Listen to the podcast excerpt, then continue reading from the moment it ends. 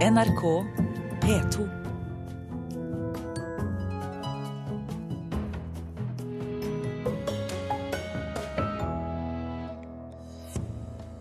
En av rockens store artister er død. Lou Reed døde 71 år gammel i går.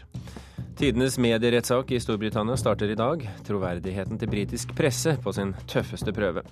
Og stadig flere forfulgte forfattere søker tilflukt i såkalte fribyer for eh, å fortsette kampen i eksil.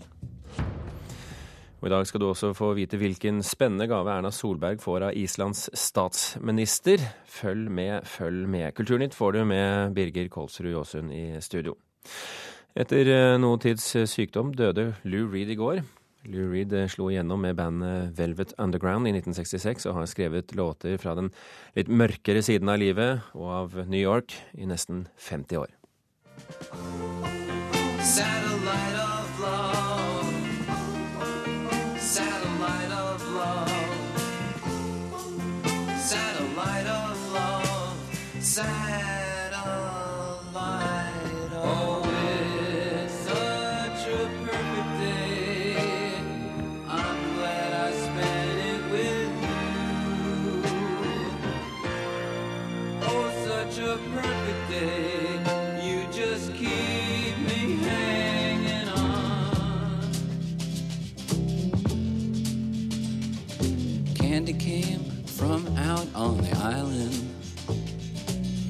Back room, she was everybody's darling. But she never lost her head, even when she was given head. She says, Hey, babe, take a walk on the wild side. Said, Hey, babe, take a walk on the wild side.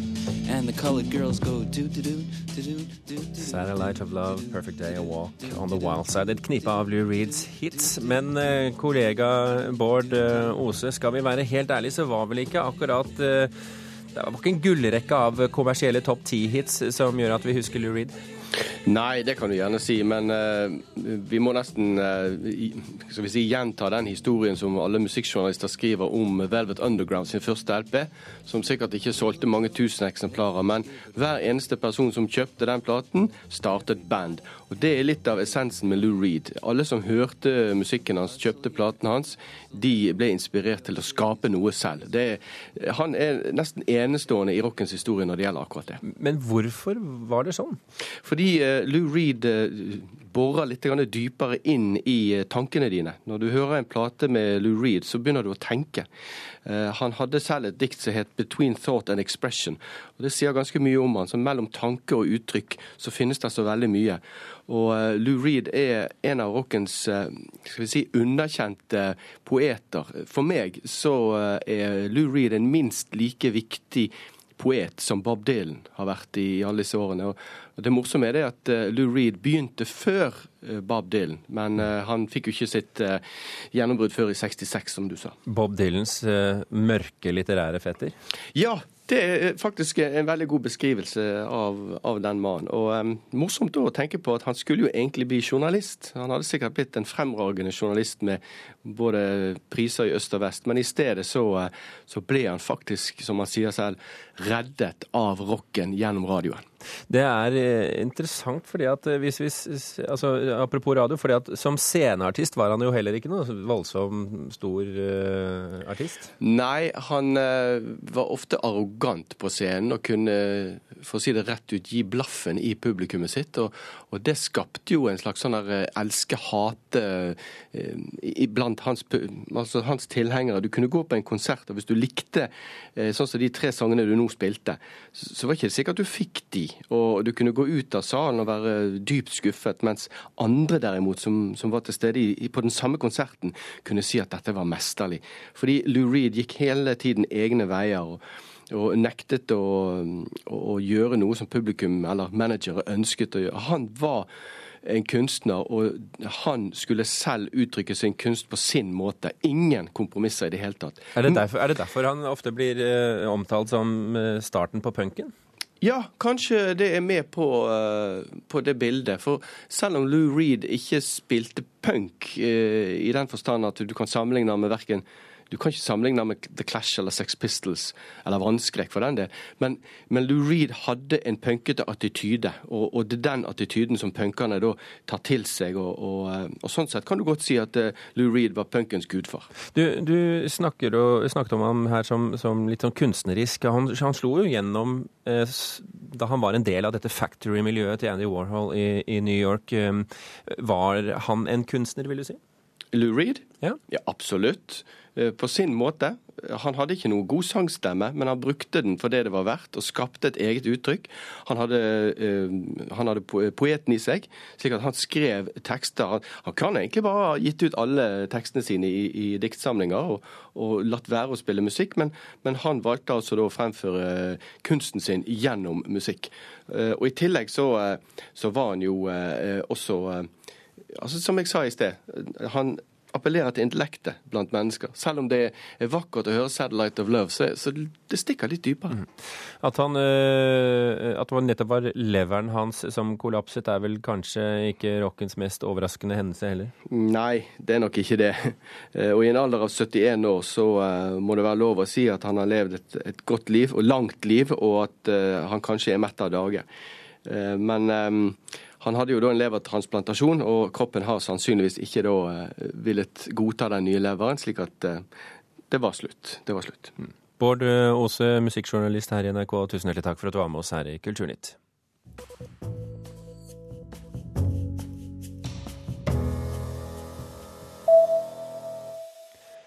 Den eh, amerikanske etterretningsorganisasjonen NSA avlyttet 60 millioner telefonsamtaler i Spania bare i løpet av én måned, ifølge en spansk avis. Telefonsamtalene skal ha blitt innhentet av NSA i desember i fjor, ifølge opplysninger som stammer fra varsleren Edward Snowden. Overvåkingen omtales i en sak som eh, vil bli trykket i avisen El Mundo i dag, melder den amerikanske TV-stasjonen NBC. En ny norsk bildestrømmetjeneste skal forsøke å få en slutt på ulovlig bildebruk på nett. 85% av bildene som brukes på nett i dag, brukes uten tillatelse. Men det gründerne kaller en Spotify for bilder, kan med det gründerne kaller en Spotify for bilder, kan bloggere og privatpersoner som trenger bilder til sine nettsider, få tilgang eh, til selskapet Yay Medias bildearkiv. Det skriver Aftenposten i dag.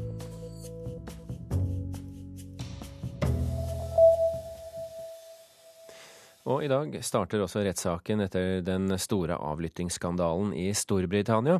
På tiltalebenken sitter blant andre Rebecca Brooks, som var en nær medarbeider av News of the Worlds eier, mediefyrsten Rupert Murdoch.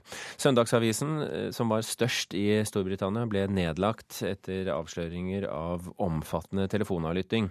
Og nå er altså rettssaken klar etter mange år. Korrespondent i London, Espen Aas, hva slags oppmerksomhet får denne rettssaken i dag? Altså, den kommer til å få en enorm eh, oppmerksomhet. Nå stilles det litt spørsmål om den faktisk klarer å starte eh, når de har planlagt, fordi at vi har en aldeles liten storm som eh, er over mest av Sør-England og for så vidt også London, slik at mye av kollektivtrafikken står. Men gjennom helgen så har de på Old Bailey, denne tradisjonsrike gamle rettsbygningen her i London med fru Justitia på toppen, gjort klar eh, et helt eget stort presserom fordi man venter presse fra hele verden, og fordi at rommet der hvor rettssaken skal foregå er relativt eh, lite. Slik at her kommer det til å bli en voldsomt eh, oppmøte idet de tiltalte skal gå den lille spissrotgangen som da blir inn i retten. Rekapituler litt for oss, Espen. Hva handler denne rettssaken om? Det handler om eh, hva slags eh, metoder og hva slags prinsipper vi skal godta eller ikke godta i journalistikken. Som du sa i innledningen, så handler dette om avlytting og overvåking.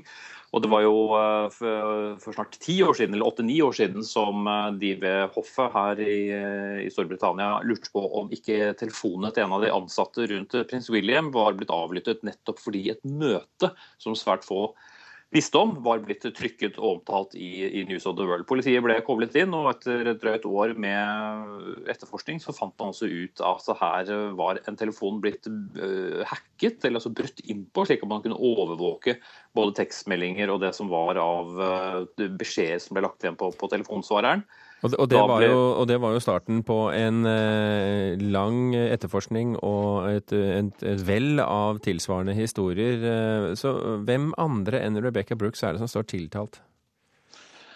Ja, Det er jo også Andy Colson, som er, var mannen som tok over jobben eh, etter henne. Eh, I likhet med henne så har også han nære forbindelse til statsminister eh, David Cameron. fordi da han måtte si fra seg jobben etter hvert som skjelettene ramlet ut av skapet i stort monn, så eh, sa han opp jobben, begynte som rådgiver for David Cameron. Men eh, det var enda flere sletter som skulle ut av uh, skapene hos News of the World. Og da det ble mange nok, så måtte han også si opp den jobben. For da var David Cameron blitt statsminister, og han kunne ikke fortsette i den jobben. Så er det til sammen åtte stykker som alle har jobbet i News of the World på et eller annet tidspunkt, i tillegg til en privat etterforsker som de brukte for å, å komme seg nær alle disse kildene som de overvåket og avlyttet gjennom mange mange år, eh, hvis vi skal eh, tro på tollmakten. Hvilken politisk betydning har denne eh, rettssaken nå? Den får veldig stor betydning, for akkurat nå er det en stor krangel, kan vi nesten si, i hvert fall en debatt mellom presseorganisasjonene og regjeringen og staten, fordi man skal bestemme hva slags sanksjonsmuligheter skal man kunne ha mot pressen. Her har man eh, laget eh, en ordning som eh, nok er noe strengere enn vårt eget Pressens faglige utvalg, hvor aviser kan bli tvunget til å trykke unnskyldninger på forsiden, hvor de kan bli ilagt store bøter dersom de begår overtramp. Det nekter avishusene å, å, godta, og derfor er det en stor kamp. Midt oppi denne kampen så dukker altså News of the World-rettssaken opp, hvor vi nok vil få høre mange detaljer om arbeidsmetoder som virker ganske fjernt for folk flest, hva de gjorde for å sikre at de visste hva både kjendiser og terrorofre og flere til uh, begikk. Så dette kan nok få ganske stor innvirkning på hva slags uh, reguleringer som skal være på mediene i Storbritannia fremover. Hvordan er det presseetiske presse klimaet i Storbritannia for tiden? Det er jo ikke spesielt godt, eh, fordi pressen sier at nå har vi lært, vi vil gjøre dette på egen hånd. Mens eh, regjeringen har sagt at eh, hør nå her, vi kan ikke ha et, et organ som det er dere som passer på. Da blir bukken og havresekken. Det samme sier presseorganisasjonene om regjeringen og det som de har lagt opp til av regulering. De mener at her kan det få bli for mye politisk styring av hva som er greit og hva som ikke er greit rundt oppslag. Men mange frykter jo at enden på det hele er at du får en mer tannløs presse som ikke tør uh, å si fra. Det blir, er... det, blir, det blir, en spennende dag i Storbritannia i dag, Espen Aas, uansett. Det stormer innenfor uh, rettssalen og utenfor rettssalen. Tusen hjertelig takk for at du kunne være med i Kulturnytt nå på morgenkvisten. Klokken er eh, et halvt minutt over kvart over åtte. Du hører på Kulturnytt, og dette er toppsaken i NRK Nyheter akkurat nå. Overvåkingen mellom venner er uakseptabel, mener statsministeren. Men Erna Solberg oppfordrer til en edruelig diskusjon rundt den siste tidens avsløringer. Staten har gitt seg selv unntak for strenge regler om boliger tilpasset rullestolbrukere når de selv bygger studentboliger. Og i Storbritannia er altså deler av flytrafikken lammet pga. kraftig uvær. En kraftig storm har rammet England sør og Wales.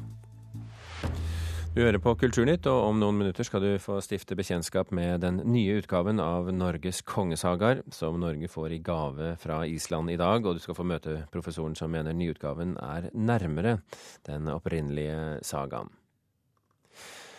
Før helgen kom Tor Boman Larsen ut med det sjette bindet i serien om Håkon og Maud. Tidligere bind i serien har fortalt oss om kongehusets dynastiske opprinnelse, spekulasjonene rundt kong Olavs egentlige opphav, og som voksen hans praktiske og tvilende tilnærming til okkupasjonsmakten. Denne gang tar forfatteren for seg de fire krigsmånedene fra juni til september i 1940, og boken har fått tittelen Svaret.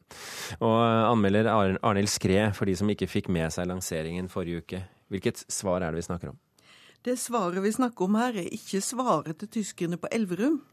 Det fikk vi i forrige bind. Det fikk vi i forrige bind. Dette svaret det gjelder her, det er svaret til eh, Stortinget hjemme i Norge. Når de ber kongen abdisere for å muliggjøre en fredsslutning med Tyskland.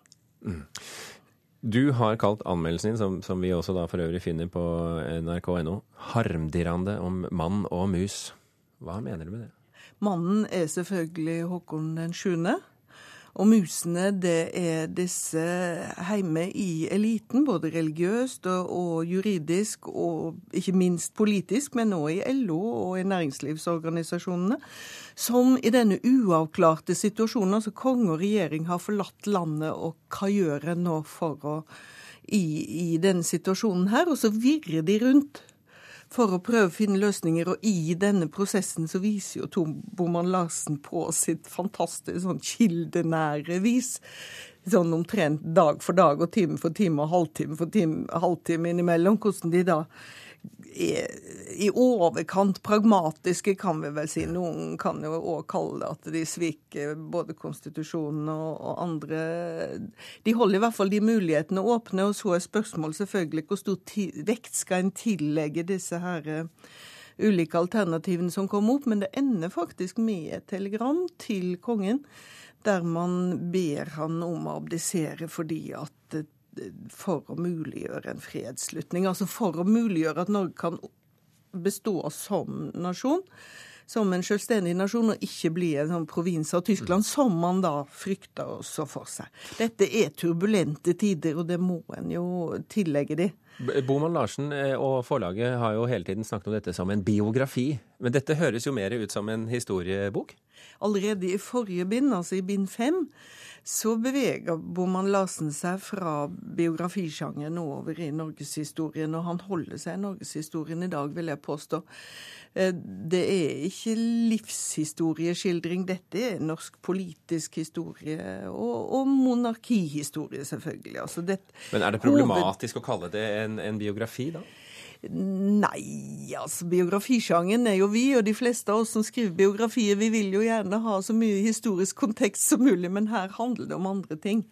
Mm. Uh, og du kan si at uh, er, når en går så nær inn på fire måneder, så, så er det norgeshistorien skriver, vil jeg si. Men, det, men, hovedprosjektet i dette verket, som nå jeg har lagt fram bud om at det kommer til å bli på ti bind, vi får se om jeg får rett i det, men i hvert fall hovedprosjektet her er jo å synliggjøre kongen og kongehusets rolle i norgeshistorien. Eh, fordi den har av faghistorikerne ikke vært tillagt noe vekt i denne perioden. Så det er Bormann Larsens undergravende prosjekt, og han står jo for hvert bind og sier at nå må norgeshistorien skrives om. Ja. Han får jo eh, altså så utrolig mye skryt for disse bøkene, og, og ikke minst språket og fortellingen og kildehenvisningen og alt det der. Er dette en god bok også? Ja, så Med Boman Larsen må jeg bare si i dette verket at det er ikke spørsmål om godt eller dårlig, det er, spørs, det er spørsmål om variasjoner av godt, vil jeg si. Ja. Uh, og, og, jeg syns det her er nok stilen syns jeg er litt mer tynga av denne harmen. altså Han er ganske harmdirrende gjennom denne boka her. Og så blir den tynga av dette her veldig sånn minutiøse en må inn på når det er en så kort periode på, som skal brettes ut over 400 sider. Eh, men, men allikevel så lett setter han det opp. Han fører inn Ibsens kongsemnene som, som parallell. Og nei, jeg syns han er morsom å lese, sjøl om eh, kanskje stilen hans har vært enda bedre i de tidligere bøkene. Ja, ok. Arnhild Skre, tusen hjertelig takk for at du leste Tor Boman Larsens sjette bind i biografien om Håkon og Maud, bindet med navnet Svaret. Vi eh, skal for så vidt holde oss til litteraturen i det eh, følgende også. Stadig flere forfulgte forfattere søker nemlig tilflukt i de 43 fribyene som finnes rundt omkring i verden. Det internasjonale fribynettverket melder om stor økning i søknader det siste året, særlig fra Iran og Syria. I Stavanger har en iransk forfatter nå startet et nytt liv med sin datter. Ei Iran, ei merz porgoher, ey khaket dette er elleve år gamle Sushia. Hun har kommet til Norge sammen med sin mor Elahe Rahronia, forfatter og filmskaper fra Iran, som har fått opphold i Stavanger, en av tolv norske byer som tar imot forfulgte forfattere. Really, that that they arrested my mother, I was going to the ground. I was going to die that time. I was really Sushia ble livredd og trodde moren ville bli drept da politiet arresterte henne på flyplassen i Teheran. So just told her. Elahe ba datteren om å le, så politiet ikke skulle tro at de var redde. 36-åringen var i det iranske regimets søkelys pga. sine tekster og filmer. Etter trusler, avlytting og beslag flyktet hun til Malaysia, og arresten skjedde da de kom tilbake til Teheran. They didn't bring me to prison just one day. Just every morning I went to interrogation, and in the evening, after seven hours, Elahe slapp fengsel, men satt i sju timer lange avhør hver dag i en måned. Hun var innesperret i tantens hus og kunne ikke snakke med noen. Hard, you know. here. Uh, all the homes here are made by trash, and they live here. En av filmene som provoserte iranske myndigheter, foregår på et anlegg for resirkulering i Teheran, der smågutter, mange foreldreløse, bor og jobber i et hav av søppel they live there. I was there in one mo moment. I was eating the cheese and bread inside the house. I was going to vomit. Sushia følte hun måtte kaste opp da hun var med til søppelplassen, og hun skjønner ikke hvordan barna klarer å bo der. Med filmen vil moren hennes vise fram en side av det oljerike Iran som myndighetene vil skjule. This is you dancing in the desert? Yeah.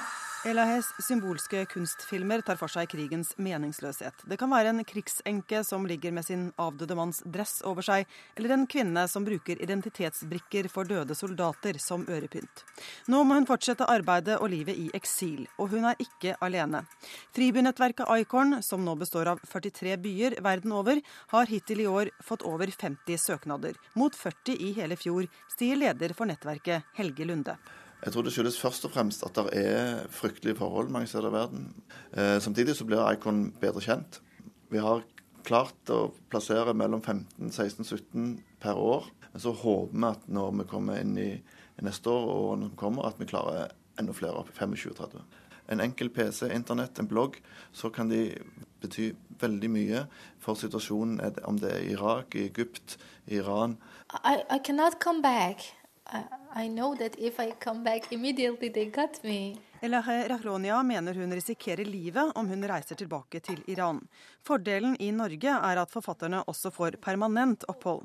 Herfra vil hun fortsette å jobbe mot religiøs og politisk indoktrinering i Iran. First I should stable myself. and then I continue to do more things for my country because no, I think it's the uh, situation that people are going to be informed. Elair Acheronia sier at hun først vil få orden på sitt eget liv i Norge, og så vil hun fortsette arbeidet for å opplyse befolkningen i Iran. Reporter her, det var uh, Anette Johansen Espeland. Norge mottar i dag en helt spesiell utgave av Norges kongesagaer. Sagasamlingen er en gave fra Island til Norge i forbindelse med 100-årsjubileet for norsk uavhengighet, og overrekkes statsminister Erna Solberg av Islands statsminister Sigmundur David Gunnlaugsson i dag. Jon Gunnar Jørgensen, professor i nordisk språk eh, og litteratur, Universitetet i Oslo. Hva slags gave er dette egentlig? Ja, dette er jo en storslått eh, gave hvor eh, islendingene først har skrevet vår historie i middelalderen, og nå altså gir oss Eh, disse tekstene i nyutarbeidede eh, eh, kildeutgaver. Ja, Men vi har den jo fra før, så hva er nytt nå? Ja, du vet Hva skal jeg, skal jeg si? Ford og Opel gir ut nye bilmodeller hvert eneste år, men det er ikke fordi vi ikke har biler fra før. Nei. Eh, og, eh, men de blir jo bedre etter hvert. Og denne utgaven eh, som vi får i dag, av Håkon Håkonssons saga først og fremst, det er en grundig Den bygger på en grundig gjennomgåelse av kildetekstene. Og det er en nyetablert tekst som det er veldig viktig og godt for oss å få. Du har jo allerede fått en, en titt på den. Hva er nytt, vil du si? Ja, Det er først og fremst tekstetableringen. Du vet, eh, Disse sagaene de er eh, utgitt i mange håndskrifter. Ingen av dem er helt like, og originalen har vi ikke. Eh, og det utgiveren her har gjort, er at han har foretatt en grundig gjennomgåelse av alle disse kildetekstene og rekonstruert en, en tekst som ja, ligger så nær originalen som det er mulig å komme. Hva, hva er egentlig Norges kongesaga? Ja, Norges kongesagaer det er et samlebegrep på en eh, sagasjanger der eh, de norske kongene som eh, statsledere er hovedpersonene og sentrale. Snorres kongesagaer er jo godt kjent. Mm. Alle kjenner Snorres kongesagaer, men det er få som vet at Snorre bare er ett av mange verk som inneholder sagaer om de norske kongene. Og eh, Snorre slutter jo sin eh, historie ved slaget på Re 1177. Ehm, men eh, sagaen fortsetter i, først i Sverres saga, sagaen om boglungene, som, har, som også finnes i den utgaven vi får nå, og til slutt Håkon Håkonssons saga. Det, er jo vanlig å gi bøker i gave. Det gjør vi jo til jul og bursdager overalt. Men, ja. men, men, hva slags bokgave er dette egentlig? Ja, det er en Nesten svarer litt tredelt. Kom igjen. For ja, først og fremst så er det da at vi har fått en ny tekst som er viktig eh, for eh, oss fagfolk, og som eh, gir oss et bedre grunnlag for innsyn i eh, vår middelalderhistorie. Det er det ene. Det andre er at eh, denne gaven består jo av fysiske bøker. Det er 500 eksemplarer som blir spredd rundt til biblioteker og fagfolk i hele Norges land. Og det er viktig. Og til slutt så har det jo en stor symbolverdi. Her har islendingene skåret ut eh, et stykke av, vår, av, av det beste av sin kulturarv, mm. som angår oss i særlig grad. Utmerket. Eh, Jon Gunnar Jørgensen ved Universitetet i Oslo, tusen hjertelig takk for at du eh, kom til eh, Kulturnytt. Vi skal nå runde av for å slippe til Nyhetsmorgen. I dag var det Hanne Lunås, Gjermund Jappé og Birger Kolsrud Aasund du hørte i Kulturnytt.